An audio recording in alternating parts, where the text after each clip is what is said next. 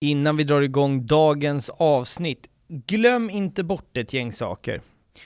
Akta Fans Podcast på Instagram och Twitter.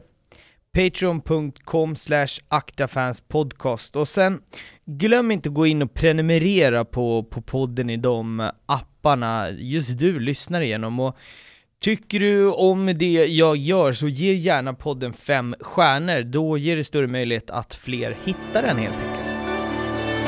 If you mess with us, we will never leave you be. Cause we bad, mean yellow and green. Bad, mean yellow and green. Jag som urstockholmare har sämre koll på de mindre orterna runt om i Sverige. Ljusdal är en utav dessa. Men om det är något jag vet om Ljusdal så är det att där spelas det bandy.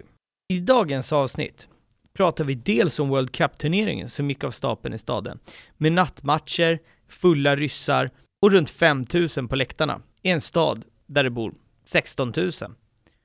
Vi pratar om ett supporterskap som började som liten och som tog vägen via YouTube-sändningar av matcherna in i omklädningsrummet som materialare.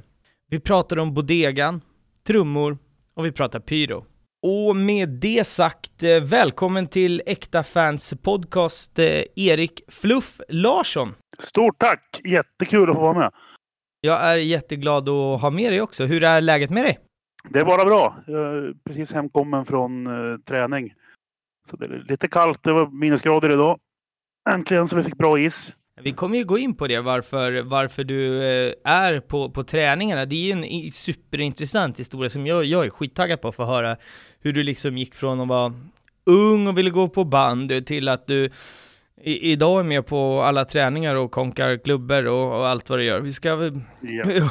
höra mer om det eh, under resans gång sådär. Eh, men jag tänker att så här, eh, jag har en fråga bara. Ditt eh, smeknamn Fluff, var kommer det ifrån? Jag, jag, som jag har förstått, om man är eh, inbiten i, i bandyn så, så har man väl hört talas om ditt namn, men var kommer det Fluff ifrån? Ja, det var, jag var väl 14-15 år och, och tyckte åkte mycket, mycket skidor, mycket utför man hoppade och grejer. Och då var det jättehäftigt att ha långt hår. Mm. Så det, det skulle jag spara ut långt hår också, men bara att det blev aldrig långt. Det blev bara stort som en boll. Tänk Bröderna Fluff-karaktärerna som var, gick på tv för länge sedan. Jajamän, jajamän. Så då, då var det någon som kom på det namnet och det fastnade. Så jag hade faktiskt sånt hår ganska länge. Men nu, nu sista åren så är det kortare. Ja, att vi har fått med en Bröderna Fluff-referens i, i podden, det, det hatar jag inte. Otroligt! Jag brukar använda den referensen ibland, det är få som, som kopplar den. Så att, ja, nej men eh, okej, då, då har vi koll på det. Men jag tänker så här att, eh, eh, jag, vill bara först att vi ska prata om liksom tid, det tidiga, eh, vart, vart intresset kommer ifrån och när du började gå på bandy och varför. Så om vi startar där, hur såg eh, det ut? Ja, det är väl egentligen... Farsan har ju varit sporttokig egentligen och det, det som har funnits i, här i, elit, i Ljusdal som elitsport, det är ju bandet. Mm. Annars har vi inte varit högt någonting. Så man följde med han på lite matcher och så. Man var yngre men var inte jätteintresserad. Det var mest att leka snöhögarna som var roligt då.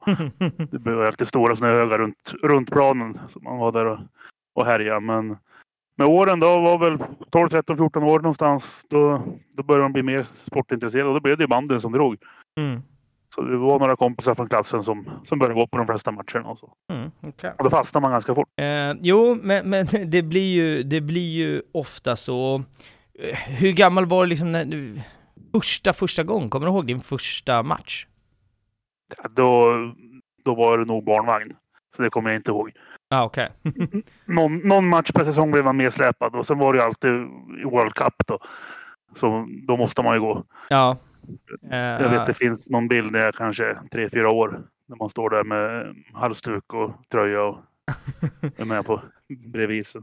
Ja, fattar. Eh, Vi, vi kommer ju, för er som lyssnar, vi kommer ju Alltså min, min plan med det här avsnittet är ju, för att det har dykt upp någonting eh, eh, nytt för, för mig här, alltså, som eh, ni som har lyssnat länge vet att så här, jag är ju väldigt eh, intresserad av fotbollen, det är där jag har bäst koll. Men så när, när vi började komma i kontakt med varandra så hörde jag om någonting som hette eh, World Cup bandy och som spelades just i Ljusdal. Så vi kommer lägga en del krut och prata just eh, eh, om, om det idag.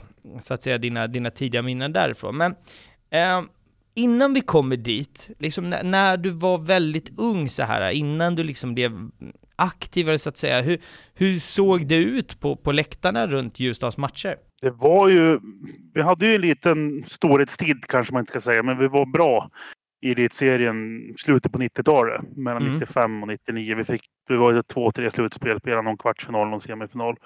Och då var det ju ett gäng som, som höll igång och härjade lite grann. Mm. Men sen laget blev sämre och de blev äldre så det dog ju ut och det var liksom ingen återväxt. Så när jag började gå mer aktivt då runt 2002, 2003 då, då var det ju inget drag alls utan det var 400-500 i publiken och man stod tyst. Och klapp, bandyklappen blev det när det blev mål och, och så något måljubel men inte mer än så. Inga, ingen sång eller ramsor eller någonting. Och det, det det, som är, det som är med bandyklappen också, att den är, blir ju inte lika intensiv som man är på hockey eller på fotboll, för att alla har ju vantar på sig. Det blir ett helt annat liksom, Ja. eh, ljud av, av applåderna också för den sakens Det blir ett dovt muller liksom. Så den är lite häftig i sig, det är den. Ja, verkligen. När det står 500 gubbar med stora arbetshänder med ännu större vantar och, och klappar liksom. Ja. Men om det var dåligt tryck där så var det ta mig fan bättre tryck under de här World eh, alltså Cup-turneringarna.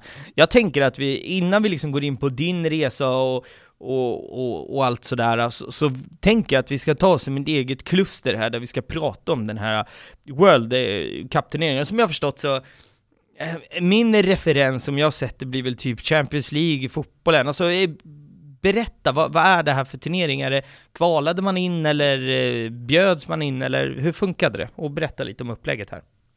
Ja, det var ju en... Eller den är, finns ju fortfarande. Den spelas bara inte i Ljusdal. Men det är VM för klubblag har det väl kallats för. En turnering som har spelats under ett veckoslut, torsdag till söndag. Och spelas i princip dygnet runt. Och det har brukat vara de bästa lagen i Sverige, Ryssland, Finland och Norge som Mm. har blivit inbjuden. Och det har gått utifrån serieplacering. Okej. Sen har ju Ljusdal- haft ett wildcard på att de är arrangör. Även fast vi har ju inte varit i högsta serien ens alla år. Mm. Men fått vara med. Och så har det ibland kommit något kanadensiskt lag och något amerikanskt har det inbjudet. Och från Kazakstan har det varit något år. Det är lite Men- blandning har det varit mellan både de bästa och de intressanta. Okej, men det är inte så då att det är liksom, kommer man ett eller en tvåa i sin serie så kvalar man in likt fotbollen, ja det är väl samma i hockey med, vad heter den, CHL och sådär. Utan det här, det här in, man blir inbjuden typ, men man bjuder in de bästa, men det det är inte så att man vill vinna serien för att komma och spela World Cup, eller alltså, jag har ju, du hör ju här, jag har ju bara mina fotbollsreferenser. Ja. Är, är det på Jag den nivån? Jag är lite osäker. Det har ju inte aldrig funnits något riktigt kval. Men jag, jag tror det har gått på placeringarna. Att det har varit typ topp fyra i Sverige, topp två i Norge, Finland och, och så. Sen har man byggt, fått ihop det så. Jag Ja, tror det okej. där har gått på. Sen har det ibland har det hänt att vissa lag har tackat nej och då har det gått till ett lägre lag. Och, och så. Ja, okej. Ja, men okej, då, då, då fattar jag. Eh, och som vi nämnde där, det spelades ju många år i Hjulstad, alltså Ljusdal. Varför spelades ni just där? Var det bara att de tog på sig arrangörskapet eller fanns det liksom någon grundläggande anledning varför just där? Det började, jag tror det var 74 eller 75. Så var det en inom klubben då, Björn Svartsved hette han som, som kom på idén. Mhm. historien. Han, han skulle på ett möte med bandyförbundet om att göra någon, en happening som skulle locka publik och intresse till banden. Och så åkte han tåg till Stockholm och från tåget såg han att det var en orienteringstävling som gick dygnet runt som Plex Pettersson stod och kommenterade. Och då kom han på att ska man orientera dygnet runt då kan man spela bandy dygnet runt. Ja, rimligt. Och tog upp det på mötet och jag blev väl sågad egentligen men fick ändå chansen. Mm. och blev väl i princip succé direkt. Så det, första åren hette det DAF-cupen. För då var det DAF lastbilarna som var sponsor. Okej. Och sen blev det Däckcupen hette det. Då var det Ja just det, jag såg Jag det, var det var- massa, det hette olika varje år Mm. typ. Ja, ja däckscupen var ganska många år. Då var det, jag tror de gjorde reservdelar till Volvo-bilar. Jag, jag är osäker. Okej. Men då hette det däckscupen. Och sen efter ett tag då fick de World Cup-status. Det var på 80-talet någon gång. Så då blev det Däcks World Cup. Okej. Och sen efter det var det SJ som huvudsponsor. Det var då det växte som mest. Ja. För då det gick ju liksom supportertåg från hela Sverige åt olika håll som kom, kom till Ljusdal och SJ var pumpade in mycket pengar. Men det, förr eller senare så drog de sig ur och då blev det jag tror det var husvagnstillverkaren Polar något år och sen har det varit ett lokalt företag som heter Exte som gick in på slutet. De gör eh, timmerbankar till lastbilar, till timmerbilar Okej. som sponsor. Så Eh, det har ju växt och hänt Ja. jättemycket i här cupen. Och det här, du, du nämnde ju lite kort att man, man, man spelade den här dygnet runt. Var det så att det var liksom en, man, man spelade på en arena, jag ber om ursäkt, nu har jag inte namnet på Ljusdals eh, hemma, hemmabana. Men var det så att det var en match där, Idrottsparken. okej.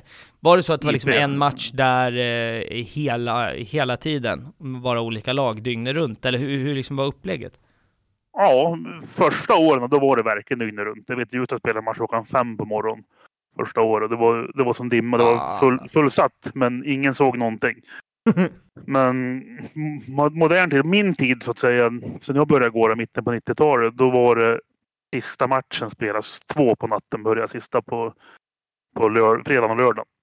Och sen var det slutspel på söndagen med sem, kvartsfinal, semifinal och final. Så att finalen brukar gå på eftermiddagen på söndagen. Så det, det började på torsdag kväll och sen var det matcher. då. På torsdag tror jag sista matchen började ett och sen började det mitt på dagen på fredagen. Och gick till sista matchen slutade väl vid tre eller fyra. Då. I princip dygnet runt. Och som jag har förstått, speciellt för dig då, så var ju liksom huvudnumret här var ju alltid jag vet inte vad du menar med det här, men du, du har skrivit att det var nattmatch och som jag har förstått så var det lördag klockan 02 som den spelades. Så där, inom citattecken då, så lottades eh, alltid Ljusdal till den matchen. Berätta om vad du menar med inom citattecken lottades. Ja, det var natten mellan fredag och lördag. Så lördag morgon två var det stora matchen på hela helgen. Mm. Och officiellt så var det ju en lottning vilka grupper det var. För det var fyra grupper då. och Vilka, vilka matcher man fick. Men Ljusdal fick ju alltid möta Bollnäs som är närmsta laget. Fem, sex mil härifrån. Mm. Som ett Hälsingederby kallas det. Något år hade vi Söderhamn som är någon mil till härifrån. Men det har liksom alltid varit en, ett lokalt lag så. Och det har varit mycket snack om det. Att det har varit att det har lottats på på fuskvis. Liksom, att det inte har varit en riktig lottning. Varma Och någon bollar gång- som man pratar om i, i när, i Champions League och, och sådär. Jag tror mer det bara var ett papper att de skrev upp så här blev det bra. Ja, okej. Det, det kallas till och med svartsförlottning efter han Björn Svartsjö som kom på det. Ja, okej. Och han har sagt i någon tidningsintervju att vi fick lotta om fyra gånger innan det blev rätt. Att de har lottat så blev det inte bra så lottar de igen. ja, men fan jag, jag kan ändå köpa det ur ett arrangörs s- synpunkt också. Ja, Fan, om, om, man, om man arrangerar en sån här grej, då, kan då ska man fan få huvudmatchen, det kan jag tycka. Ja. Det är väl som alltid när det är VM eller sådär, de öppningsmatchen får alltid de som arrangerar, det är väl rimligt kan jag det hör tycka. väl till. Och, och det man ska se det, vi har ju aldrig vunnit den här cupen. Och, och vissa spelare har varit lite grina att vi får alltid sämst förutsättningar. Vi spelar sent och, vi, och, och de gånger vi har gått vidare till kvartsfinal har vi spelat den sent natten till söndag. Så vi har liksom Mm. aldrig haft någon bra vila och, och så. Men cupen är ju inte för att vi ska vinna utan det är för att locka andra, andra lag och andra supportrar. Mm. Eh, och, och du har sagt att det, de här eh, lördags, alltså huvudnumret, lördag 02.00, det bor 16 000 i Ljusdal. Det är 5 000 på, på den här matchen. Det är alltså, vad, vad innebär en sån här långhelg? Dels för liksom, för, för samhället det kring och hur fan får man ihop eh, 33% utav eh, befolkningen, lokala befolkningen in på en och samma match? Alltså, är, är det bara så att hela liksom stan andas bandy eller? Det, det är en sjuk siffra tänker jag, att få in så hög procent på en och samma match. Nu har vi ju inte de här siffrorna. Nu har vi ju inte den här World Cup kvar heller. Nej. Vi blev av med den 2008 efter ett ishaveri, men vi håller på att göra en ny cup som lockar inte samma intresse än. Mm. Men det har ju varit... Dels har det varit stort bandintresse allmänt i Ljusdal. Sen har det varit extra intresse just för kuppen för den stora festen det har varit. Det har varit jättemånga hemvändare. Det är många som flyttar ja, men till Stockholm och, och till andra ställen som kommer hem just den här helgen. För att alla andra kommer hem den här helgen. Ja, jag fattar. Och så har det varit mycket borta supportrar. Bollnäs har kommit med ett par bussar. Och det har varit liksom det har varit stor snurr, mycket folk utifrån som har varit och, och alla, även om de inte håller på Ljusdal eller Bollnäs, så har velat se den här matchen för att det har varit en häftig inramning och en häftig match. Men ja, en, en annan fråga som bara dyker upp för, för, för mig här. Om man då skickar lag från, alltså, många olika delar av världen. Du sa att ibland så kom det kanadensare och jänkare och folk från Ryssland. Eh, jag tänker så här, det, det, blir ju ett par hundra gubbar. Jag är inte helt övertygad om att det finns liksom elva hotell i Ljusdal. Vad, vad gjorde man av alla människor som kom dit? Jag vet, eh, när jag gick i skolan, när jag gick eh, låg och mellanstadiet, den låg precis bredvid bandarenan. Då var vi alltid lediga cuphelgen för att det var lag som bodde i klassrummen. Okej, okay, okej. Okay. Även liksom, liksom uthyrt så. Ah, okej. Okay. Ja, Sen sista åren har varit inte så, men det finns ju, det finns ju en skidort, Järvsö, inte långt från. Där finns det lite hotell och lite stugor och. De är ju tom, för skidområdena är inte öppna än. Ah, så det är många ja. som har hyrt en turiststuga så. Och de har, en del har bott i Bollnäs och till och med Gävle tror jag de har bott, som har varit liksom längre bort och åkt emellan. Eh, men be beskriv lite, du nämnde ju lite så här eh, för mig inför så där, att det var mycket roliga händelser, speciellt med Alltså nu ska vi inte generalisera alla ryssar, men de är kända för att dricka sprit. Uh, yeah. det, det ska vi, det, så generaliserande kan vi vara. Berätta, har du några så roliga anekdoter från liksom, som hände nere på, på stan eller på byn liksom när, när, när det var så här mycket folk? Om du bara ger oss lite skrönor eller vad man ska säga. Ja, det, det absolut sjukaste, det roligaste, det är väl i början då, 70-80-talet när det var liksom, det var enda chansen för ryssarna att, att komma ut i världen var ju att spela World Cup egentligen, eller vilk, någon annan sport då. Så, och de hade ju inga pengar, så det var ju liksom byteshandel med sprit. De hade med sig jättemycket vodka. Mm. Och handla, köpte jeans då och betalade med vodkaflaskor. Och den biten liksom, bytte, byteshandel. Ja. Jag vet, jag fick höra från en gammal Ljusdalsspelare som, som spelade en cup och åkte ur tidigt. Så då skulle de ut och, och festa på lördag kväll och måste få tag på, på någonting att dricka. Så då var det ett ryskt lag som värmde upp inför deras kvartsfinal. Så de gick fram och frågade vodka. Han lyfte upp jackan på träningsoverallen. Då hade han vodkaflaskor tejpad som ett bombbälte runt magen. Så det var en, en hundring och så fick man en flaska rysk vodka. Så var det klart. Och det var liksom inför matchuppvärmningen. Som Fan. sprang.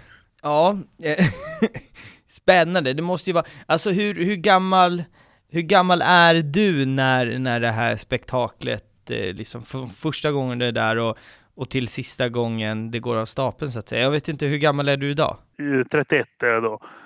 Okej, så du, du hinner ändå, sista gångerna är du ändå i liksom någorlunda var 18 vuxen, ja, vuxen ålder, ja. Sista året var jag 18 så då fick man uppleva det med öltält och, och kroglivet också runt cupen. Mm. Som alltid varit stort. Ja, eh, fortsätt, förlåt. Nej, men jag tänkte mest första gången, det var väl tre, fyra år när jag var där första gången, så jag tror.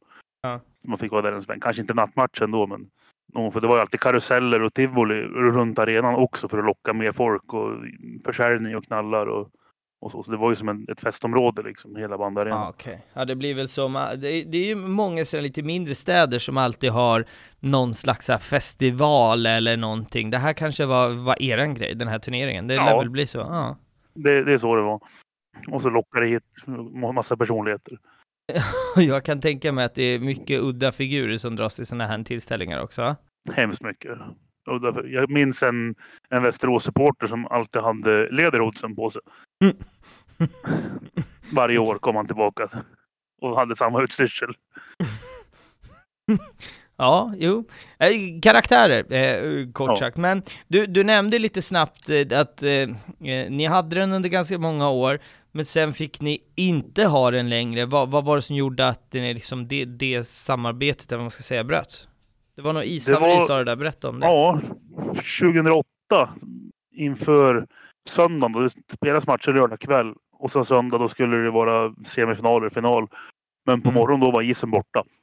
Det, det är utomhus så det är ju ett konstfryst aggregat men det var, det var varmt och det blåste så aggregatet orkade inte med så isen smälte. Oh, okej. Vad- Så det blev ingen turnering, eller vad hände? Ja, och det var ju bara sista matcherna och de, då flyttas de till Edsbyn för det är inomhushall. Aha, och okej. En timme med bil bort. Så det blev ju liksom slutspelat där men det blev ju inte samma sak. Det kom inte mycket publik som följde med. Och, annars har det ju alltid varit ett par tusen på finalen och, och så men det blev inte alls samma grej. Och efter det gick förbundet in då som har sanktionerat World Cup-statusen in och sa att så länge det inte är hall så World Cup ska spelas i hall från och med nu. Så det där ska inte hända igen. Mm. Så efter det har det, gick det till Sandviken, Ah, okej. till deras hall. Det, det är Och väl just- den största diskussionen egentligen inom bandy-Sverige, just det här med hallarnas vara eller icke, icke vara. Ja. Man, man vill, alltså som jag har förstått det så, man vill egentligen inte ha en hall, eller hur? Precis så är det. Man vill inte men man måste och vill ha en också. Kul kulturellt och för stämningen så är det ju mycket trevligare utomhus. Speciellt än, när det är bra förutsättningar. Mm. Ett par grader kallt och kanske lite soligt på dagen eller på kvällen. Men uppehåll, vindstilla, bra is. Då är det otroligt trevligt Mm. utomhus. Men som klimatet är och som förhållandena är så blir det sämre och sämre möjligheter att ha. Samtidigt så vill de ju tävla med hockeyn och ha fler matcher per säsong och, och så. Det går inte om vi ska vara utomhus. för Isarna håller inte. Ah, kan inte okej. börja så pass tidigt. Varje år är det problem med flyttade matcher. Jag vet Hammarby har ju flyttat in på Zinken idag fast serien har varit igång sedan slutet på oktober. De har ju fått flytta hemmamatcher och, och så. Så det som ställer till det går inte längre. Så det kommer ju bli mer och mer åt hallar och nu är det bara tre, fyra lag i elitserien och allsvenskan som, har, som inte har hall. Ah, okej. Nej, det var bara ett, ett, ett stickspår sådär, men det, ni- det är väl en, en het potatis, eh, eller vad man ska säga. Verkligen. Jag, jag tänker så här att vi ska gå in och prata, vi, vi, vi, lämnar egentligen World Cup där. Jag, det, jag tyckte att det var intressant att lägga eh, en tid på det, för det är ett eh, sjukt häftigt eh, koncept och, eh, och, och prata ner med nå- någon som har varit där. Och det här är något som, som sagt, eh, med mitt eh, min bristande kunskap inom bandy har flugit mig rätt över huvudet, men det var kul att bli uppdaterad om det. Men vi är ju här Ja, för att det- prata Ljusdal egentligen. Ja, Eh, precis. och mm, du, du har ju gjort en, en jäkla resa inom, inom klubben kan man säga. Alltså, du, vi berättade ju när du började gå, första matchen, då satt du i ba- barnvagn vad vi tror, men någonstans så vill jag att vi ska starta din liksom supporterresa när du är typ 12-13 år, där idrottsintresset vaknar mer och mer. Berätta vad det är som händer när du kommer upp i den åldern, så att säga. Ja, det var ju tillbaka till World Cup. Då, det var ju bra tryck på de matcherna. Det var derbymatcher, det var, det var mycket fylla, det var det. Men det, det var många som sjöng, det var ramsor, det var trummor. Man fastnade ju i som supporterkulturen Mm. direkt. Och är såld. Och sen kom serielunken igång och så var det tillbaka som vanligt med trötta gubbar och ingenting mer. Och samtidigt var vi för ung, tyckte vi kanske oss själva och inte hade drivet att dra igång någonting eget Mm. det var för stor sak. Så, men vi gick några år, vi pratade liksom med grabbarna att vi, det vore kul om det hände någonting, om det blev någonting. Och, och jag vet, vi åkte på en, en bortamatch tillsammans med en kompis och våra två farsor åkte till Söderhamn på annan dagen. Mm. Det var första bortamatchen jag åkte på i alla fall. Och där träffade vi andra som var något år äldre som vi kände liksom vagt men som man inte umgicks med så. Mm. Men stod, stod med dem och surrade och kom ihåg, det var 2005. Och efter det på våren, då vet jag en, en av spelarna i Ljusdal hade väl sagt i någon intervju efter någon match i tidningen att det var tråkigt att det var så tyst på IP, att det inte var något liv.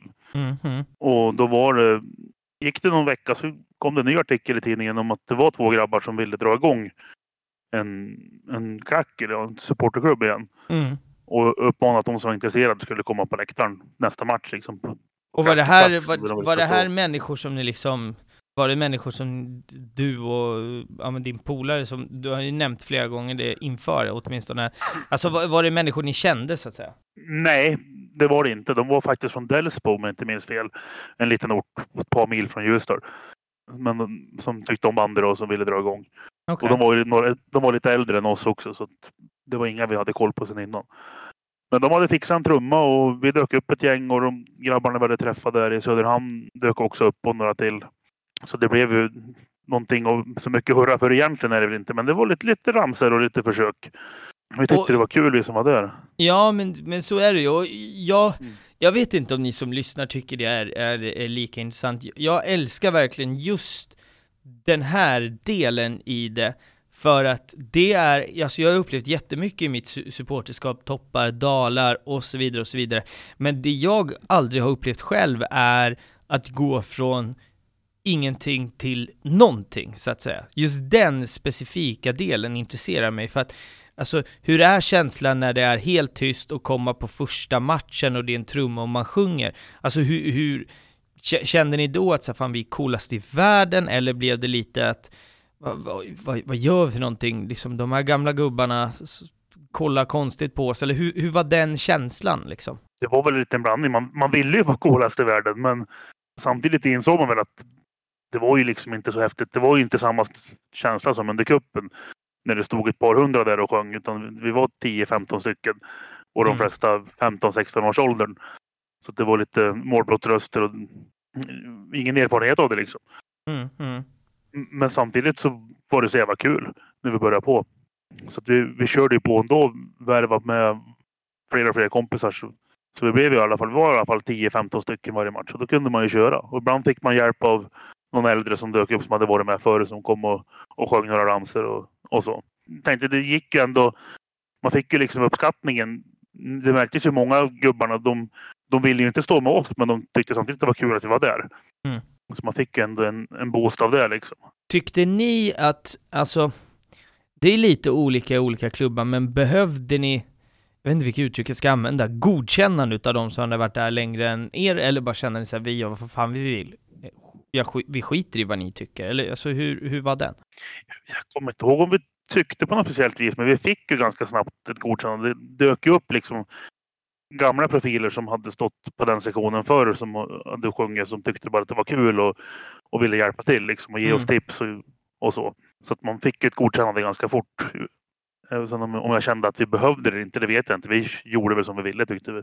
Och där, där, här någonstans så, så, så börjar ni ju eh, gnugga på och det, det blir väl så här, man utvecklas, man, man blir några fler och sen vill man ju hela tiden utvecklas. Här, här så har du själv nämnt att ni för första gången, eh, ja men, testa på det här med pyro, och jag kommer inte ihåg vilket avsnitt det var, jag tror när vi pratade eh, Broberg, att det var alltså, eh, just pyro bengaler-frågan på bandy, det var en icke-fråga. Bränn hur mycket det vill, det skiter väl vi. Visst var det så typ på bandy på den här tiden? Det vi hade som krav från oss, från polisen och brandkåren, det var att inte när matchen pågår och inte uppe på läktaren.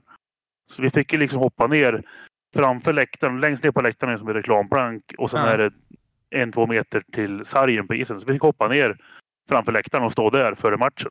Före och efter matchen. Och då var det inga problem. Då var det bara att köra. Alltså jag, jag har tänkt mycket på just den eh, aspekten efter, eh, efter det här Broberg-avsnittet. Att, och det måste ju vara att det, fan, på de flesta bandymatcherna är det snö överallt. Alltså det är inte så jättemycket som kan fatta eld. Alltså det är bara att droppa den där i en snöhög och sen är den ju Ja. släckt till slut. Alltså eller, har du någon koll på vad argumentet var för att man hade fri lejd? För att, alltså idag är kanske bengalfrågan hetare än äh, jag vet inte om man ska säga någonsin eh, i, i Sverige liksom, men eh, det var ju på den här tiden om man gick på fotboll till exempel, då var det ju, det var ju, det fick man inte göra där så att säga. Va, har du någon, va, alltså argumentet varför?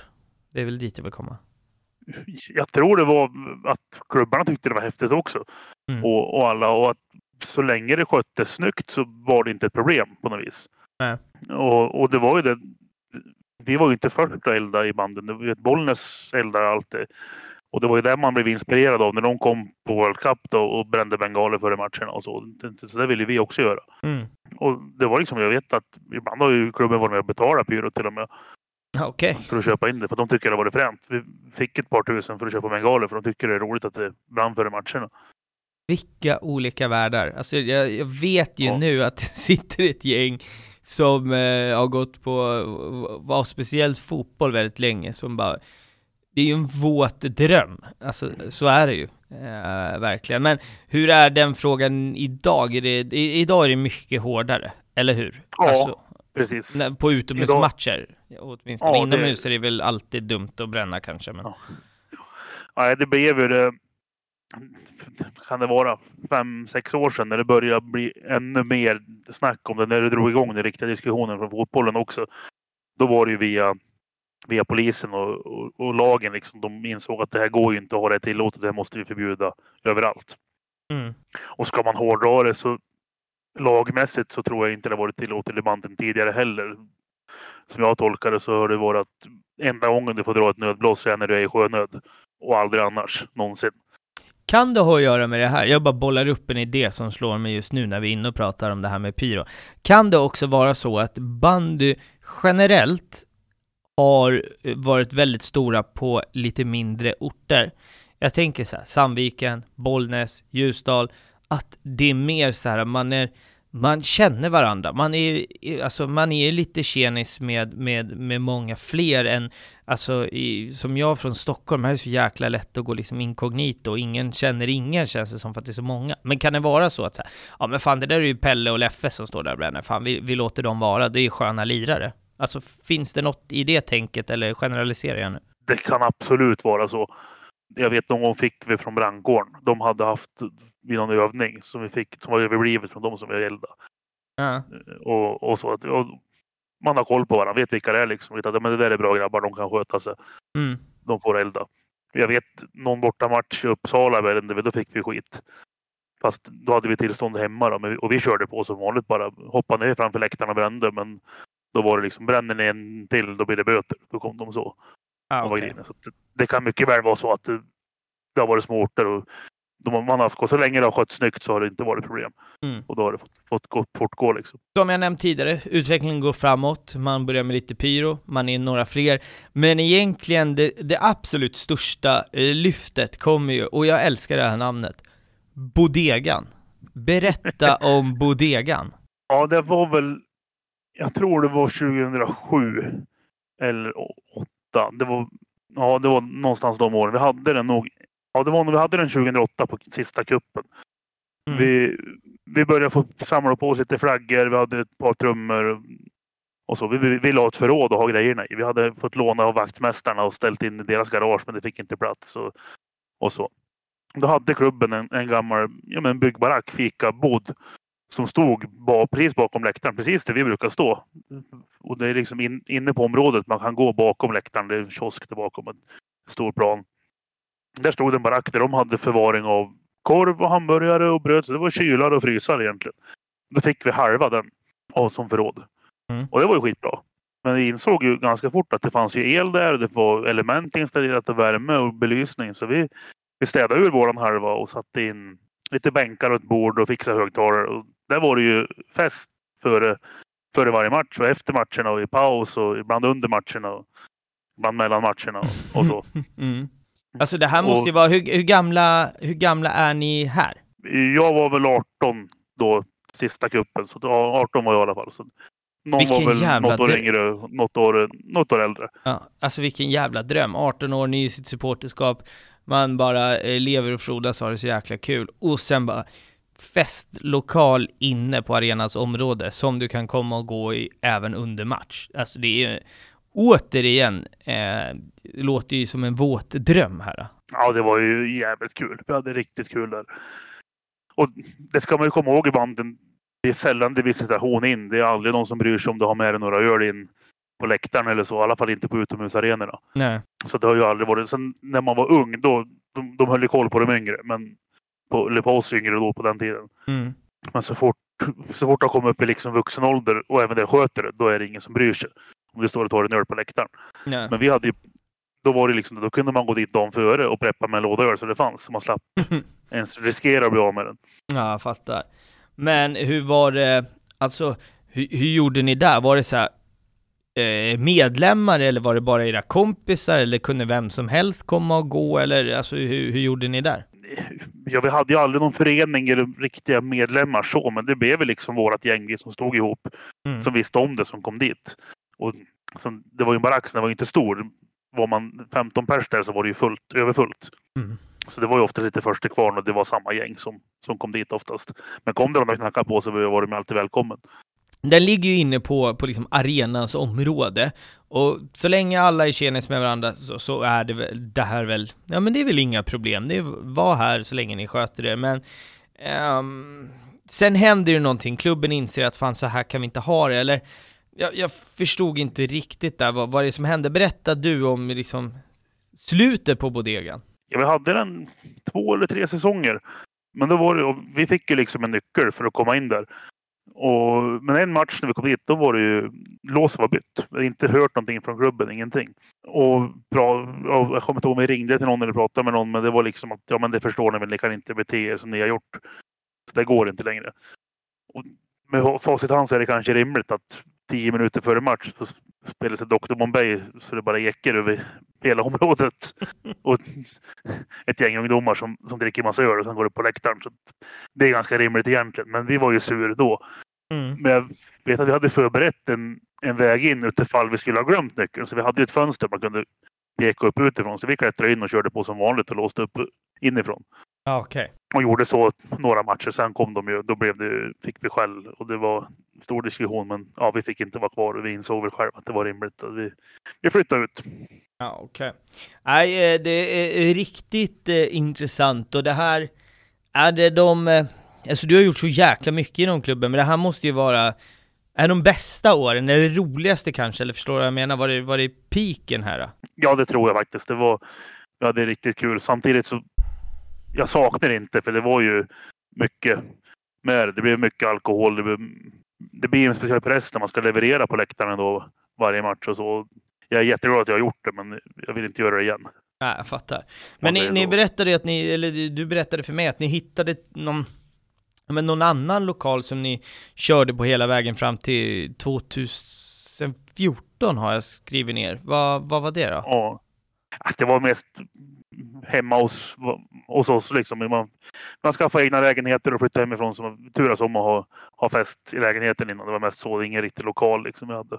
Ah, Okej, okay. ah, då, då, då fattar jag. Sista åren där så, ja men eh, du och flera av dina vänner, ni, ni började ju, du nämnde ju det här, så fan det blir mycket, mycket kröka och det blir rörigt och sådär. Ni började ju någonstans, ja men längta lite till eh, ja, men lugnare matcher och börja snegla på gubbläktaren. Berätta vad, eh, är, är liksom, kallas den gubbläktaren eller är det en term som ni använder? Det har väl inofficiellt kallats gubbläktaren, vitt jag vet. Eh, det är på IP då, på arenan. Det är en stor, en stor, det är ståplatsläktare alltid, men en stor läktare med tak på ena långsidan och så på andra långsidan är det en mindre läktare som inte har tak. Mm. Och där har det oftast varit gubbar som har stått. Okay. Och lite lugnare och så. Vi kände liksom att dit, dit vi ville och det blev ju så det var ju lite återväxt. Det var lite yngre grabbar som, som hängde med men var inte vi där då blev det ingenting. Det var liksom så och vi kände ska vi ta ett steg tillbaka från crackverksamheten men samtidigt stå tio meter bort. Då kommer de bara snegla på oss och vill ha hjälp att komma igång. Då blir det liksom ingenting eget. Så ja, vi kände fattar. att ska vi dra oss tillbaka då, då är det byta läktare som gäller. Det gör ni också, alltså, ni har en bra återväxt, det finns folk på, runt läktaren och 2014 då, då, ja, då bytte ni helt enkelt, då blev det, ja, det blev gubbläktaren. Och här någonstans så händer det ju någonting för, för dels dina vänner, men eh, vi, vi pratar ju med dig, så det händer ju någonting eh, för dig. Klubben kontaktar er och börjar prata om eh, webb-tv. Berätta om det här. Ja, precis det, det hade varit, vissa matcher hade ju sänts tidigare. Banden är ju inte bortskämd med tv, tv-sändningar och så. Det har ju varit SVT och TV4 haft några år och sänt. Svår tv-sport också. Alltså det är en svår tv-sport. Eh, jag, jag har liksom, Alltså där känsla, men fan när man försöker kolla på bandet, man ser inte bollen. Det är det. Alltså man kan ju läsa spelet om man inte är mm. korkad, men det är ju svårt att se bollen. Det är lite det som är problemet tror jag. Det är och ett problem har ju varit att de som har filmat har ju inte heller kunnat bandet, så de har inte hängt med riktigt. Nej. Om du är van att producera hockey och fotboll, det blir en annan, annan hastighet och andra, andra ytor och så. Såklart. Det är svårt. Men eh, ja, det var ju en, en inom klubben, en som har varit fotograf mycket stillbildsfotograf men även filmar lite grann. Han sände vissa matcher innan borta då, som man kunde streama och se borta matcherna. Och, och, samtidigt, det glömde jag nämna i förväg, men vi har ju haft, våra också bortskämda att det har varit lokalradion har, har sänt i princip alla bortamatcher under lång tid med, med kommentator och skickade iväg en kille som har kommenterat. Mhm. Så då blev det han filmade och så blev det samarbete med dem att den kommentatorn var med och, och kommenterade med han och så. Det var ju kul men kvaliteten var ju sviktande. Han, dels var väl han mer intresserad av att fota och, och hade väl kanske inte kunskapen och utrustningen som behövdes för att få till det riktigt bra. Så vet vi, vi på försäsongen då 2014 då provade vi, åkte vi till Edsbyn på en träningsmatch och provade att sända och det, det gick ganska bra. Det var kul tyckte vi. Och då fick vi även då med oss den här radiokommentatorn. Mm.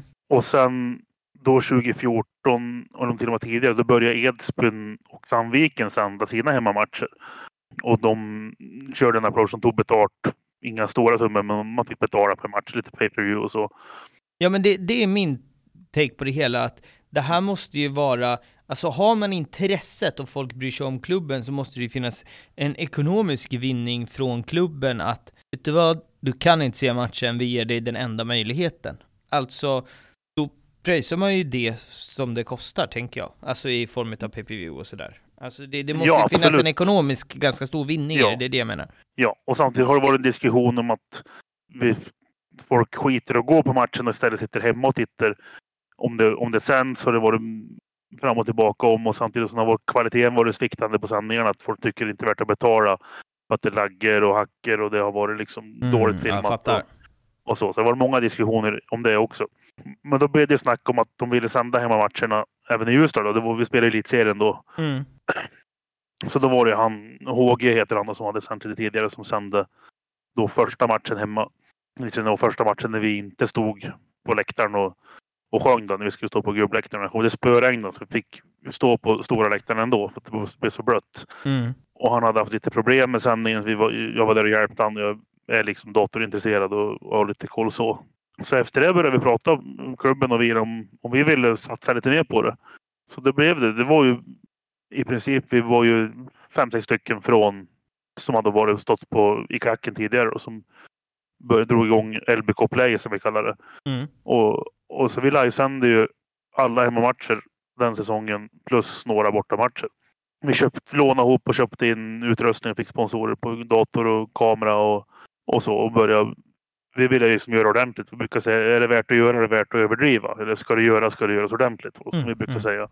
Så vi fick ta upp så vi kunde få repriser i sändningarna, fick till klocka och vi fick, tror vi fick till Twitter-integration till och med. Så man kunde twittra på en viss hashtag så kom det upp i sändningen. Ah, Okej. Och det var ju skitkul. En helt ny grej. Och vi liksom, vi, det känns som, det vill jag inte vara skrytsam, men det känns som vi höjde, höjde kraven. Satte liksom en standard för hur det ska vara i alla fall i banden. En hobby, hobbysändning.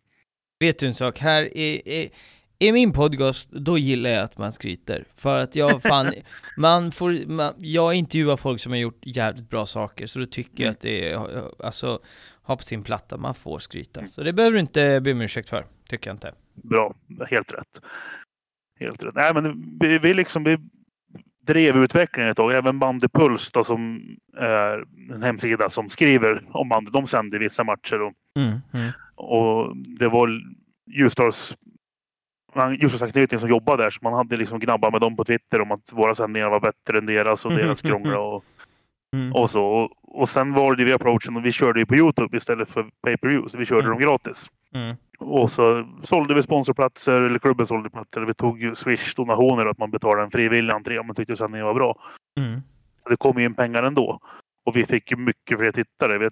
Som mest tror jag vi hade 3000 samtidiga streams när vi mötte Villa Lidköping hemma. Det är många streams, eller många, eh, många, vad heter det, eh, tittare samtidigt och få upp 3000. Det kräver, alltså, det, och- och jag tror att om en vanlig youtuber så att säga ska ha väldigt många följare för att få upp 3000 på en livestream på youtube, så är det. Ja, och jag tror att eh, någon sån här branschstandard hur man räknar tittare, då räknar du 2,6 tittare per stream. Mm. För oftast sitter man inte ensam och tittar utan det är något snitt de har räknat ut. Så Ja. Det, ja, det var många tittare och det var även från Ryssland var det inne många ryssar som kommenterade under matcherna på ryska så man förstod inte vad de, vad de skrev. Men det var ryska kommentarer och, och just bandypubliken i stort var ju svältfödd på tv-sändning Mm. när det inte fanns så många. Så det var ju många som kollade på våra sändningar. Så länge deras eget lag inte spelade hemma, då satt de hemma och kollade på våran sändning för att det var, och det var en schysst produktion. Det var en bra bra underhållning. Ja, men så där blir det. Det där märkte man under corona. Jag kommer fan inte ihåg vilken liga det var. Men det var ju när, när, när ingen, alltså när alla serier stod still, så var det ju någon serie i något land där de bara skit i corona, vi ska spela matcher. Och sen livesände de på YouTube och hade hur många tittare som helst. Alltså det var någon sån här obskyr liga, så här, Azerbajdzjans liga eller nå- något i den stilen. Ja, men det har var jag hur, hört om att det ja, var. var hur mycket folk som helst som kollade, för man fanns ingen fotboll att se. Eh, så det, det är väl eh, samma här, alltså har man ett Ja. intresse av att kolla på bandy, då tar man ju det som, som finns. Det, det blir väl samma princip tänker jag. Ja, precis. Det var ju så. Det lockade jättemycket tittare och mycket kommentarer och folk som följde och det skrevs bloggar om det och grejer. Så det var jättekul. Och just kommentatorn vi hade, han, han är riktigt duktig. Väl supportermässigt, vi körde ju liksom vinklat. Vi var inte neutral i och med att det var en klubbens sändning. Jajamän, jajamän. Så det var ju stora måljubel när Ljusdal gjorde mål och, och sådana grejer. Och sen en kul grej vi gjorde, det var vi var först att sända webb-tv från Zinkensdamm, från Hammarby borta. För där fanns det ingen fiberuppkoppling, fast det låg mitt i stan. Ja. Och ingen vågar chansa på att köra mobilt. Vi tänkte vi sände gratis. Vi kan in- ingen som kan kräva pengarna tillbaka. Så vi fixade ett mobilt abonnemang och åkte dit och sände och det funkade. Okej. Och då var det snack innan att det, det går inte att sända webb-tv från Zinken. Men uppenbarligen så gick det. Och efter det så började även Bandypuls och så sända via, via sitt mobila via mobilbredband. Så sådana grejer var kul. Ja, ni, ni höll i taktpinnen ni, kort sagt. Men ja, det som hände, det gjorde ni fan inte på planen. Eh. Där går det käpprätt och ni eh, trillar ur eh, egentligen. Och någonstans i, i detta med att ni, ni har gjort det här, ni trillar ur, det är alltid så oavsett om man är ju, man vill ju aldrig erkänna att så här, många supportrar kollar för att det kanske fin, det, det finns framgång så här. Går man ner i en serie, då, då kommer vissa tappa intresset. Eh, men det som händer här, ni drar er lite tillbaka, hamnar på den så kallade gubbläktaren, och där föds, det här namnet är fem av fem, Östra Gubb. Berätta om Ja. Östra Gubb. Ja, det blev ju... På något vis har vi alltid varit i gänget var lite fascinerad av öst. Har. Jag vet inte varför. Det är ingen som har några politiska sympatier eller så. Men det, vi har väl varit influerade av ryska spelare och, och så. Vi har ju Mischa Svesjnikov som, som är tränare nu. Som en av världens bästa någonsin. Som har spelat många år i Ljusdal och andra ryssar som har varit, varit där. Så det var liksom öst. Vi, när vi, vi var faktiskt på sommaren då innan den säsongen när vi skulle kliva upp på gubbläktaren på riktigt. Då var vi där och provstod och provade olika platser på läktaren. Mm. Vi måste se att vi valde en bra plats. Och samtidigt så vet man att vissa platser, där står det redan olika gäng på. Man vill inte trampa någon på tårna och ta någons plats. Nej. Liksom. Det, det, det kan vara väldigt känsligt. Gud jag får upp en, en rolig bild, jag vet att när typ Friends Arena byggdes som tar 50 000 att folk var där och fick prova ut vilka sittplatser man vill ha. Det känns inte, utan att ha sett den här arenan, så jag får inte Friends Arena-vibbar här. Eh, men det är en, en, ro, en, rolig, en rolig syn och jag gillar ändå uh, liksom engagemanget, att här, fan, man måste provstå lite grann. Ja. Ja, och det är som läktaren kanske har fem, sex steg. Så den är ju inte någon Friends Arena-läktare. Nej, äh, men det, Och det är den bilden jag får, därför tycker jag det är Ja. så jävla äkta. Och den fyller inte upp hela långsidan heller. Utan det är kanske tre fjärdedelar av långsidan den fyller upp. Så det är inte så många platser att välja på. Men, Men vi ehm, hittar ja, en bra eller plats. fortsätt. Och vi hittar en bra plats och då gubbläktarna den ligger liksom söderut om man ska se. Det är, det är södra och norra om man ska Mm. namnge läktarna så. Men det är på den östra halvan av gubbläktaren. Så då blir det Ah, östra okej. gubb. Så på så Ja, vis. fattar. Alltså, du, du har själv beskrivit att här leker eh, läktarlivet. Ni mår jävligt bra, ni har Östra Gubb, ni hittar eran läktare, eran identitet. Hur, liksom, hur mådde ni där och då? Ja, det, det har inte varit bättre än vad det var då. Vi, den är jättetrevlig läktaren. För fram, mellan läktaren och isen är det som ett gångstråk. Man går inte bakom Inte. läktaren slutar sen är det tre meter. Du kan precis köra en bil mellan läktaren och reklamplanket och sen kommer isen. Så man, det är jättetrevligt att stå där. Det går folk förbi ofta som ska gå till kiosken och så kan man stanna och prata med varandra. Och vi får ihop vårt gäng. Vi är lite aktivare än den vanliga publiken men utan för den skulle vara någon, någon klackverksamhet. Men lite hets mot domare och bortaspelare och vi installerar någon siren. Vi tjuvkopplar in oss på belysningsanläggningen. Så en eldriven siren som vi körde när det blev mål. Och, och lite sånt där. Det har varit väldigt trevligt på gubbläktaren. Ja, jag, jag, hör, jag hör det. Eh, men mitt när ni mår som bäst, vi har hamnat här i många avsnitt, men det drabbar ju supportrar i stor utsträckning, så när du mår som bäst i ditt supporterliv, då drabbas världen av en eh, pandemi. Och jag tänker att så här, vi, det är lite eh, uttjatat, hur mådde man när pandemin eh, liksom slog till? Det är klart det var värdelöst, man fick inte gå på, på, och kolla på sitt lag helt enkelt, men det intressanta här är att du har vid ett flertal gånger fått frågan om, fan ska du inte kliva in i omklädningsrummet och bli materialare? Men det har du tackat nej till, för att det tar alldeles för mycket tid, men här någonstans så får man ju inte gå på matcherna, och du vill ju se matcherna. Berätta om, eh, om klivet egentligen från läktaren in i omklädningsrummet. Ja, det är ju egentligen två av, av grabbarna som jag har stått med länge. De tog klivet ett par år tidigare. Mm. Och de pratade upp det hur, hur kul det var att vara med i laget och, och vara med och styra. Men samtidigt insåg man hur mycket tid det tog. Det är träningar flera dagar i veckan, det är matcher och resor och så. Men det blev ju avsatt med corona när man insåg att jag kommer inte få se några matcher. Och jag kommer inte ha så mycket annat att göra heller. Det kommer inte hända någonting. Nej. Och de, de var en gubbe kort i materialgruppen och behövde förstärkning. Så jag tänkte ja, men jag provar väl att hänga med då. Kul också med en gubbe kort från gubbe, eh, g- östra gubb. Jag vet inte om det var pun intended, men ja, eh, fortsätt. Alltså, men, jag provar ett år då och, och kör på och kliver in. Så på den vägen är det. Och det är roligt på ett helt annat vis. Man får ju Mm. liksom vara med och, och följa. Det, är- jag ser det som det, det ultimata supporterskapet egentligen. Mm. Man får ju göra det man så mycket man kan för att grabbarna ska ha så bra förutsättningar som möjligt. Jag, jag har faktiskt tänkt på detta, eh, och jag, har tänkt på, på det även innan, innan jag kom i kontakt med dig, att precis det du säger, att det är fan det ultimata supporterskapet att vara materialare. Men materialare, det har du så jävla rätt i, för jag har tänkt den tanken så många gånger. Att så här, ju bättre alltså jag gör mitt jobb, ju bättre förutsättningar kommer spelarna ha att gå ut och vinna matchen. Det finns ju inget, alltså visst du kan vara spelare eller tränare, men det är någonting annat. Men just den rollen, det finns fan, jag kan inte komma på något som man är, alltså för då är det ju så nära, visst du kan sjunga fram ditt lag och sådär, men bara lösa alla deras problem och fixa allting så de bara kan fokusera på matchen, det är fan det ultimata supporterskapet. Precis så känner jag också. Och vi löser det de ber om egentligen.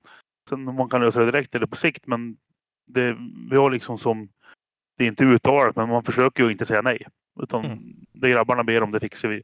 Och nu har ju jag, jag har i denna podden, jag har pratat med väldigt mycket supportrar, jag har haft journalist, fotograf, spelare, men jag har inte haft någon matris, så att nu vill jag höra lite om livet som eh, materialare. Här får vi en, också en, en ny unik eh, inblick. Hur ser, alltså om man tänker att grabbarna har träning klockan, vi säger 17.00, Eh, och de lär väl dyka upp en 45 eller 30 innan match eller, eller innan träning, vad vet jag. Hur, hur ser din, om vi säger så här, en vanlig träningsdag och en vanlig matchdag eh, utifrån din roll som materialare, hur ser det ut? Ja, oftast tränar vi 16.45 och jag jobbar till, till 16. Så det är liksom direkt från jobbet och åka dit. Mm. Och då har vi, vi har ju, vi är fyra stycken. Det är två som har väldigt fria jobb. En jobbar lite skift, en jobbar, jobbar eh, som vaktmästare med egen firma så han kan styra sig själv. Så Mm. de ska ha slipat varje dag. Skridskorna ska vara slipad. Det tar ungefär en timme att slipa igenom hela laget. Mm. Oftast kan någon av de två slipa på dagtid. Så kan de det, då är det se till att vara där. Åk dit så fort du kan efter jobbet. Kommer typ kvart över upp och då är grabbarna oftast redan där.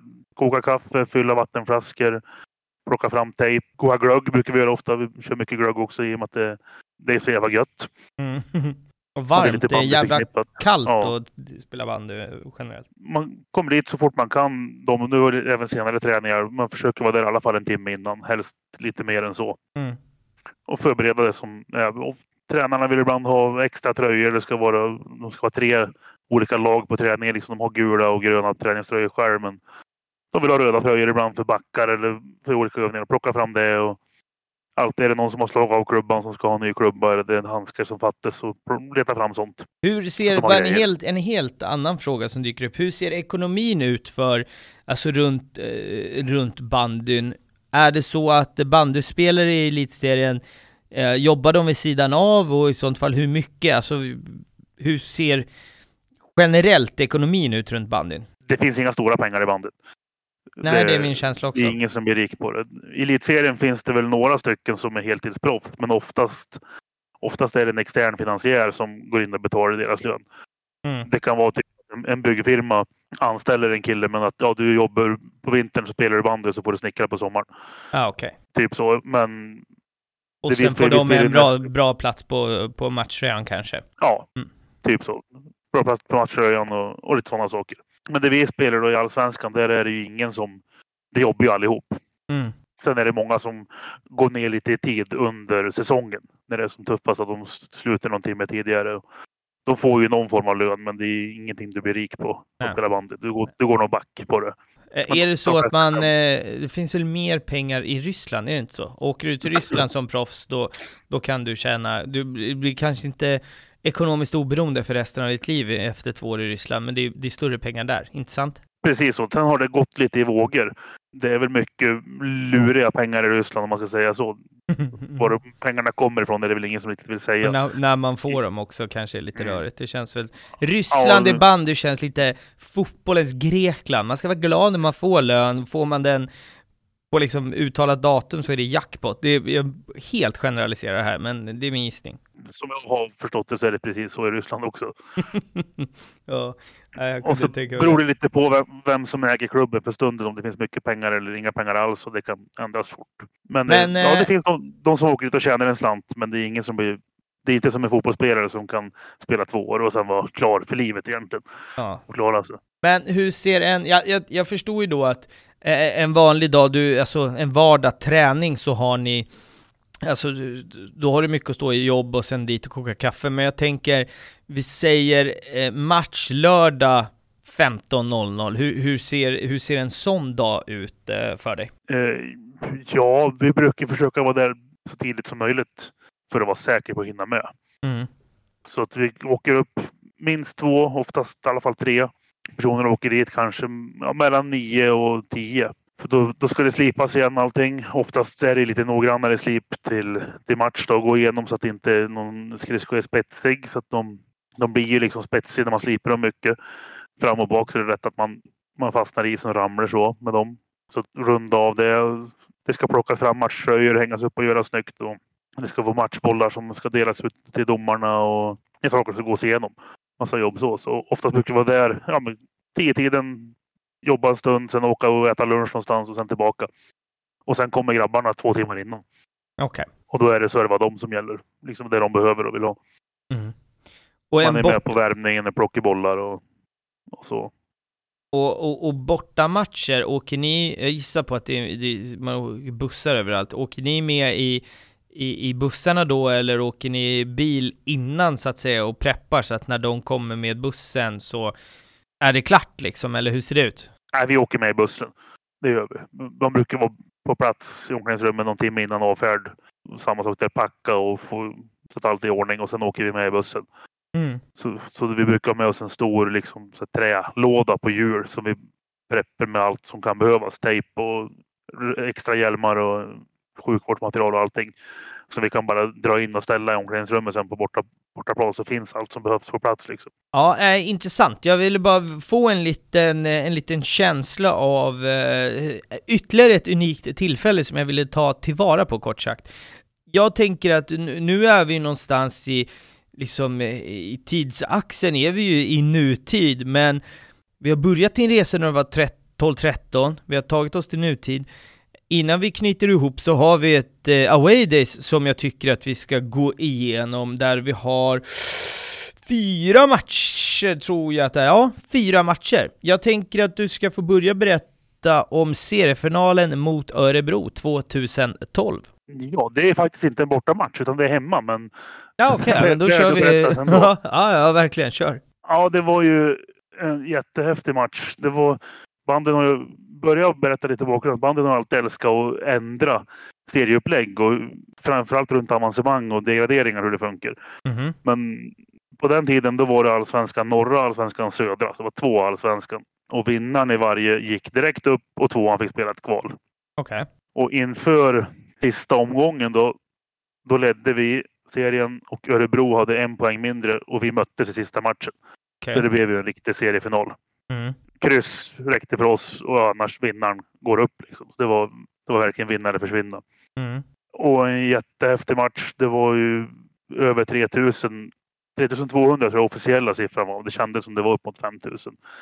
Och känslan, det, då var det ännu bättre stämning än cuptiden liksom. Jag Och kan tänka mig lyckas vinna till 5000 slut. på World Cup, då är det ju väldigt många supportrar för väldigt många olika lag. Då är det 3200 som bara är på samma, då blir det lite mer tryck jag tänka mig. Ja, det, det var det verkligen. Mm. Jättehäftigt var det. Det var... Och just vi lyckas vinna med 3-2. Jämn match liksom som levde hela matchen igenom. Mm. Eh, Jag minns till och med jag stod och var lite capo. Jag har inte haft något uttal som vi turas om på det. Mm. Och, och det var bra drag. Och så helt plötsligt så försvinner folk från läktaren. Det börjar liksom tunnas ut. Vad, vad händer? Vad, vad händer nu? Så vänder jag mig om och ser att det är liksom 89 minuten och vi, vi leder. Och alla har hoppat ner framför läktaren på väg in på isen. Och så ser jag att några av spelarna står och nästan slår med, med klubban mot supportrarna för att liksom, förstör inte det här och gå- spring in för tidigt nu så det blir något problem. Nej. Så då var det liksom snabbt ner på isen och, och stå och hjälpa dem att hålla emot så folk inte var för tidigt. Tills det Mm. blåstes av och sen, sen var det bara storma. Ja, det är en sak som slår mig nu när man pratar om att pitcha, springa in på plan. Mm. Alltså, en blöt fotbollsplan är ju hal. Men alltså storma på is, det måste se, alltså jag bara får, jag har själv, jag har ju liksom pitchat inne på Hovet till exempel i unga dagar, men det måste vara skitsvårt för det måste vara halt som djävulen, att folk bara ramlar överallt och, eller? Precis så. Det, det är ju livsfarligt. Det, det är tur att efter en, en hel match så är det ju lite uppåkt. Är inte den där Ja. jätte, jätteglatta ytan. Men det är verkligen alla smygspringer. Det går inte att ta ett löparsteg och springa utan man Jag liksom här hasar på framför mig och glider fram. Och jag menar, en bandyplan är ju, alltså, går du in på en hockeyrink så behöver du ju köra de här liksom, alla har ju någon gång gått på is, du vet den här annorlunda gångstilen, det är någon slags moonwalk fast framåt. Um, och det- på en hockeyrink så är det inga stora liksom, ytor att ta sig med, på en bandyplan kan det fan vara långa ytor på isen, det måste se jätteroligt ut. Och gå i Ja, ett så här det- ganska slötte tempo för att vara en planstormning. Ja, det, jag skulle tro att det såg hemskt kul ut. Det- Ja, det är lika stort som en fotbollsplan. Ja, Fast på is. Ja. Det, Ja, Ja, det- nej, s- sidospår. Jag bara fick upp en bild i Ja. huvudet som, eh, som intressant. Men ja, eh, spännande. Så eh, uppflyttning med andra ord, och då landar vi i, i 2013, sista kvalmatchen. Då antar jag att ni går upp 2013 och sen är det negativt eh, kval här, en avgörande match. Är jag rätt på det då? precis, och året efter och då hamnade vi i kval. Då hade de gjort om serien så ingen åkte direkt ur. Okej. Men, men kval fick vi spela, så vi hamnade i botten. Mm. Och ett ganska tufft kval. Och återigen skulle vi möta Örebro i sista matchen. Mm. Så det blev lite repris. Och detaljen här var att Örebro hade fem plus mål på oss i målskillnad. Okej. Så vi måste vinna med fem mål egentligen. För att, för att klara oss kvar. Annars skulle Örebro ta våra plats i elitserien. Mm. Och efter typ 20 minuter då står det 2-0 till Örebro. Så att det var liksom folk började gå hem. Ja, rim, nästan rimligt faktiskt. Ja. Och samt, det var ju inte de här 3000 på den matchen. Det var ju 750-800 pers. Det, Mm. Många hade redan gett upp. På det så, men det blev ännu fler började gå hem. Men ja, innan första halvlek var slut så var det 4-2. Fick vi in några mål. Och sen vet jag inte vad de sa i paus, men det hände ju ingenting igen i andra halvlek. Förrän efter över 70 minuter. Då är det en spelare som, som gör mål och gör den här klassiken. Åker in i målet och hämtar bollen och åker tillbaka och lägger upp den på mittlinjen för, att, för avslag. Ja. Och då kände man att det här kan faktiskt gå vägen. Och det ramlar in några mål till och i, jag tror det var 87, 88, då kommer det några lobber över målvakten. Och gör avgörande 7-2 och det slutar till och med 8-2. Så att vi klarar oss kvar. Du, då, då mår man. Då mådde man. Det kan jag verkligen säga. Och det, det var en söndag och det finns inget ställe att gå ut och fira på en söndag i Ljusdal. Det, det, det kroglivet har vi inte. Men Nej. på något vis så blev det specialöppet på Järnvägs, som det heter, en av krogarna här. Mm. Så det var ju spelarna och ja, de, som, de som var sugen på att fira en söndag som, som var där. Och eh, jag tror inte det var något kvitto på hela kvällen som skrevs ut utan det var, det var billiga priser i baren och väldigt starka groggar. Det var en jättejobbig dag, att jobba på måndagen. Det, kän, det känns som att i ett sånt här samhälle så är det ganska enkelt och, på ett sätt och bara nu är det läge, öppna portarna så kör vi. Det känns som att det är, det är en kortare väg dit än, än eh, liksom i en, en större stad. Ja, Generaliserar igen kanske. ja men det, det är så, precis så är det. det. Det mesta går att lösa. Ja, Man vet vem man precis. ska ringa liksom. Alla, alla har numret till krogägaren och kan ringa och prata bara och bestämma att nu är det dags. Och han, han, var, han var på. Bra pengar att tjäna också spontant. Ja, det, det skulle jag tro. Det blir en bra kassa ändå. Eh, sen har vi Söderfors borta. Eh, här är första bortaresan du åker på som det faktiskt blir vinst på. Berätta. Ja, vi åkte minibuss. Jag tror det var åtta stycken. Eh, mörkt vinter och till Söderfors. Liten ort men ännu mindre bandarena. Aldrig hört talas om Söderfors ska tilläggas. Nej, vart, det- vart ligger det ens? Ja, bortanför Gävle. Okej. Mot Stockholmsholme. Okej. någonstans där. Jag kommer inte exakt ihåg, men man åkte förbi Gävle i alla fall. Och eh, ligger liksom mitt i skogen i häftig arena så. Små läktare, smala. Vi hade fått tag på en, eh, åkte dit och åt- åtta stycken var vi. Och drack väl kanske för många öl på vägen dit som man brukar göra när man åker minibuss. Japp. Och fick tag på en, hade fått tag på en sån där rakettårta Mm, mm. innan matchen hade köpt. En bengal tror jag hade kvar som hade med oss. Och så brände vi av det var 70 meters stighöjd på de där 7-8 skotten. Så vi drog av före matchen och det regnade ju sot över isen så jag, jag tror de fick slipa om skridskorna allihop innan första halvlek var klar. Men, men då lyckades vi vinna. Så det, ja, det Efter lite var- sabotage utav er, regna sot Ja. på planen så alla får slipa om grillorna. Men det, ja, det var riktigt trevligt. Jag vet, I paus, de hade ingenstans man kunde gå in och värma sig utan de öppnade ett av omklädningsrummen.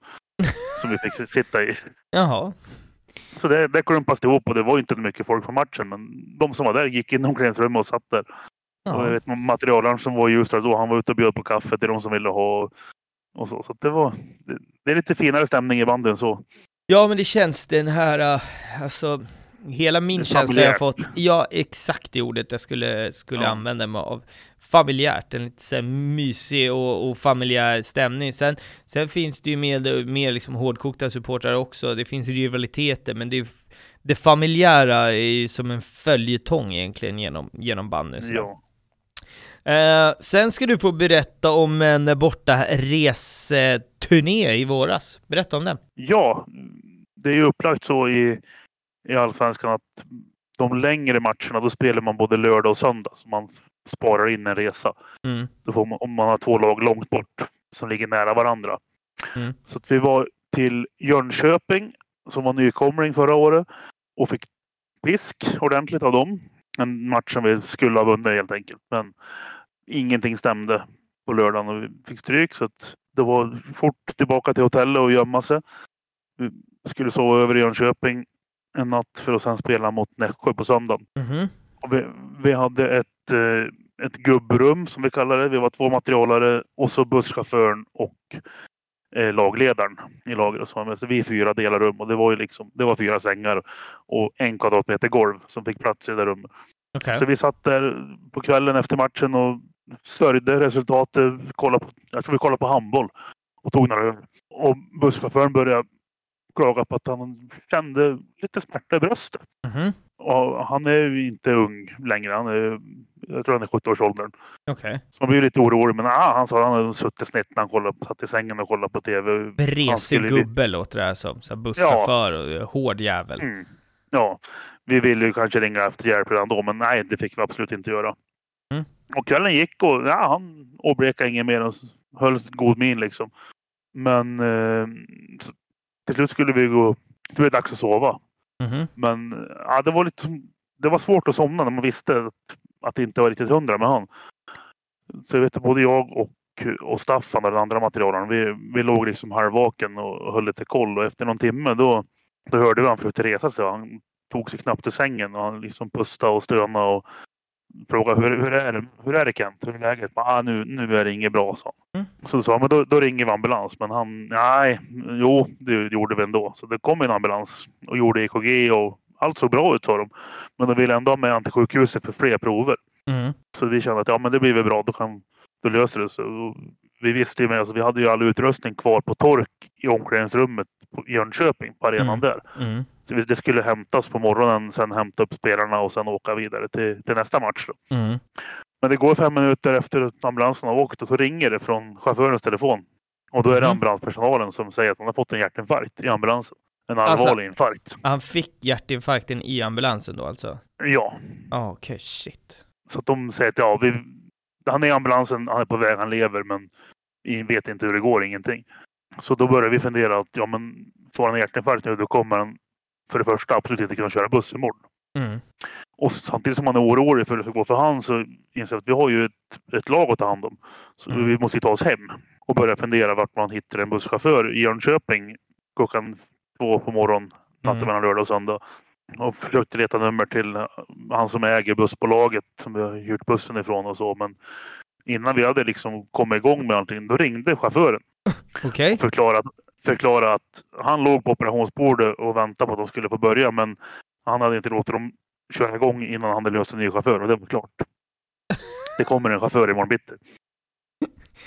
Återigen, jag bara chansade på att det här var en lite vresig envis gubbe, och jag hade rätt här. Ja. Hur gick det för han då? Eh, Klarade han sig och allt var väl med han sen, eller hur gick det för honom? ja, det var på morgonen efter då, då, då satt en chaufför och väntade i reception. Han hade kastat sig i en taxi direkt och åkt för att vara på plats. Vi försökte få tag på vår ordinarie chaufför men han hade inte telefon på, fick inget svar. Så vi åkte iväg, hämtade utrustningen, spelade matchen. Vi vann ordentligt mot Nässjö. Jag kommer inte ihåg siffrorna men det var liksom beskedligt Mm. beskedlig seger. Och sen när vi åkte hem försökte vi ringa till, till honom igen utan svar. Men då ringde vi till sjukhuset. Mm.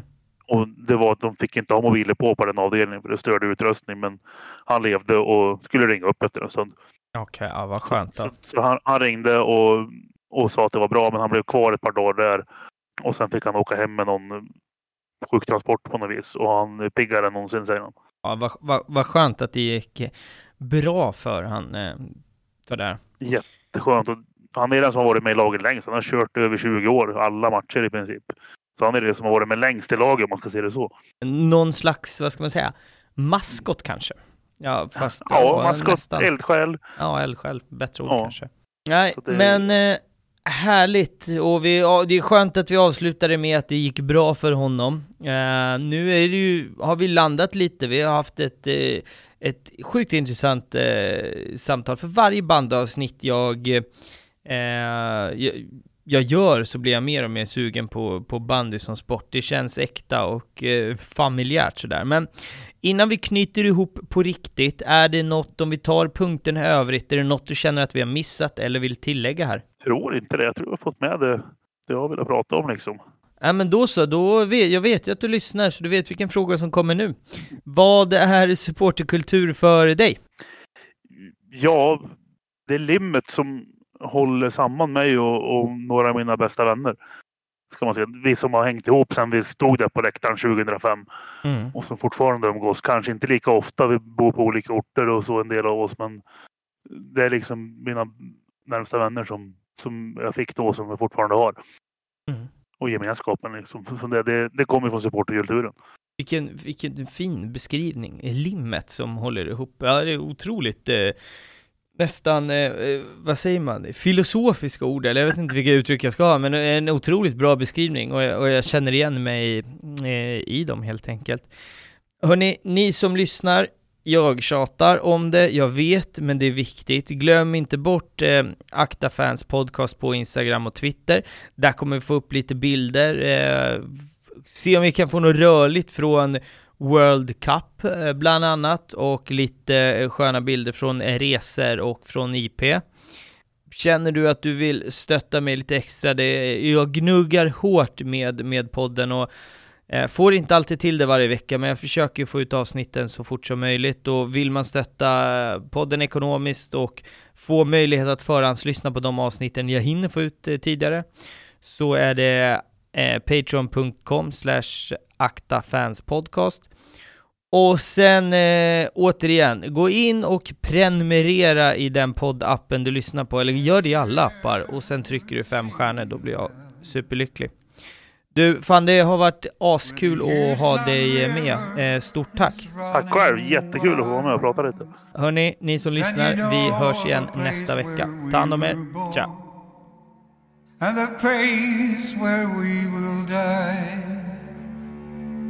Although we traded our lives for wooden stakes this time around, there's a fire raging in our blood that never will go out.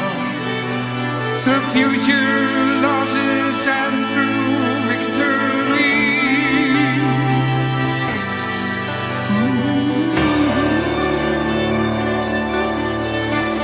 you mess with us, we will never leave. Cause we yellow, and green.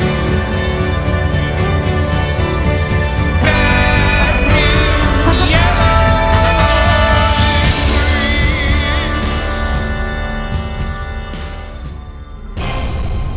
green. samarbete med Esen Studio.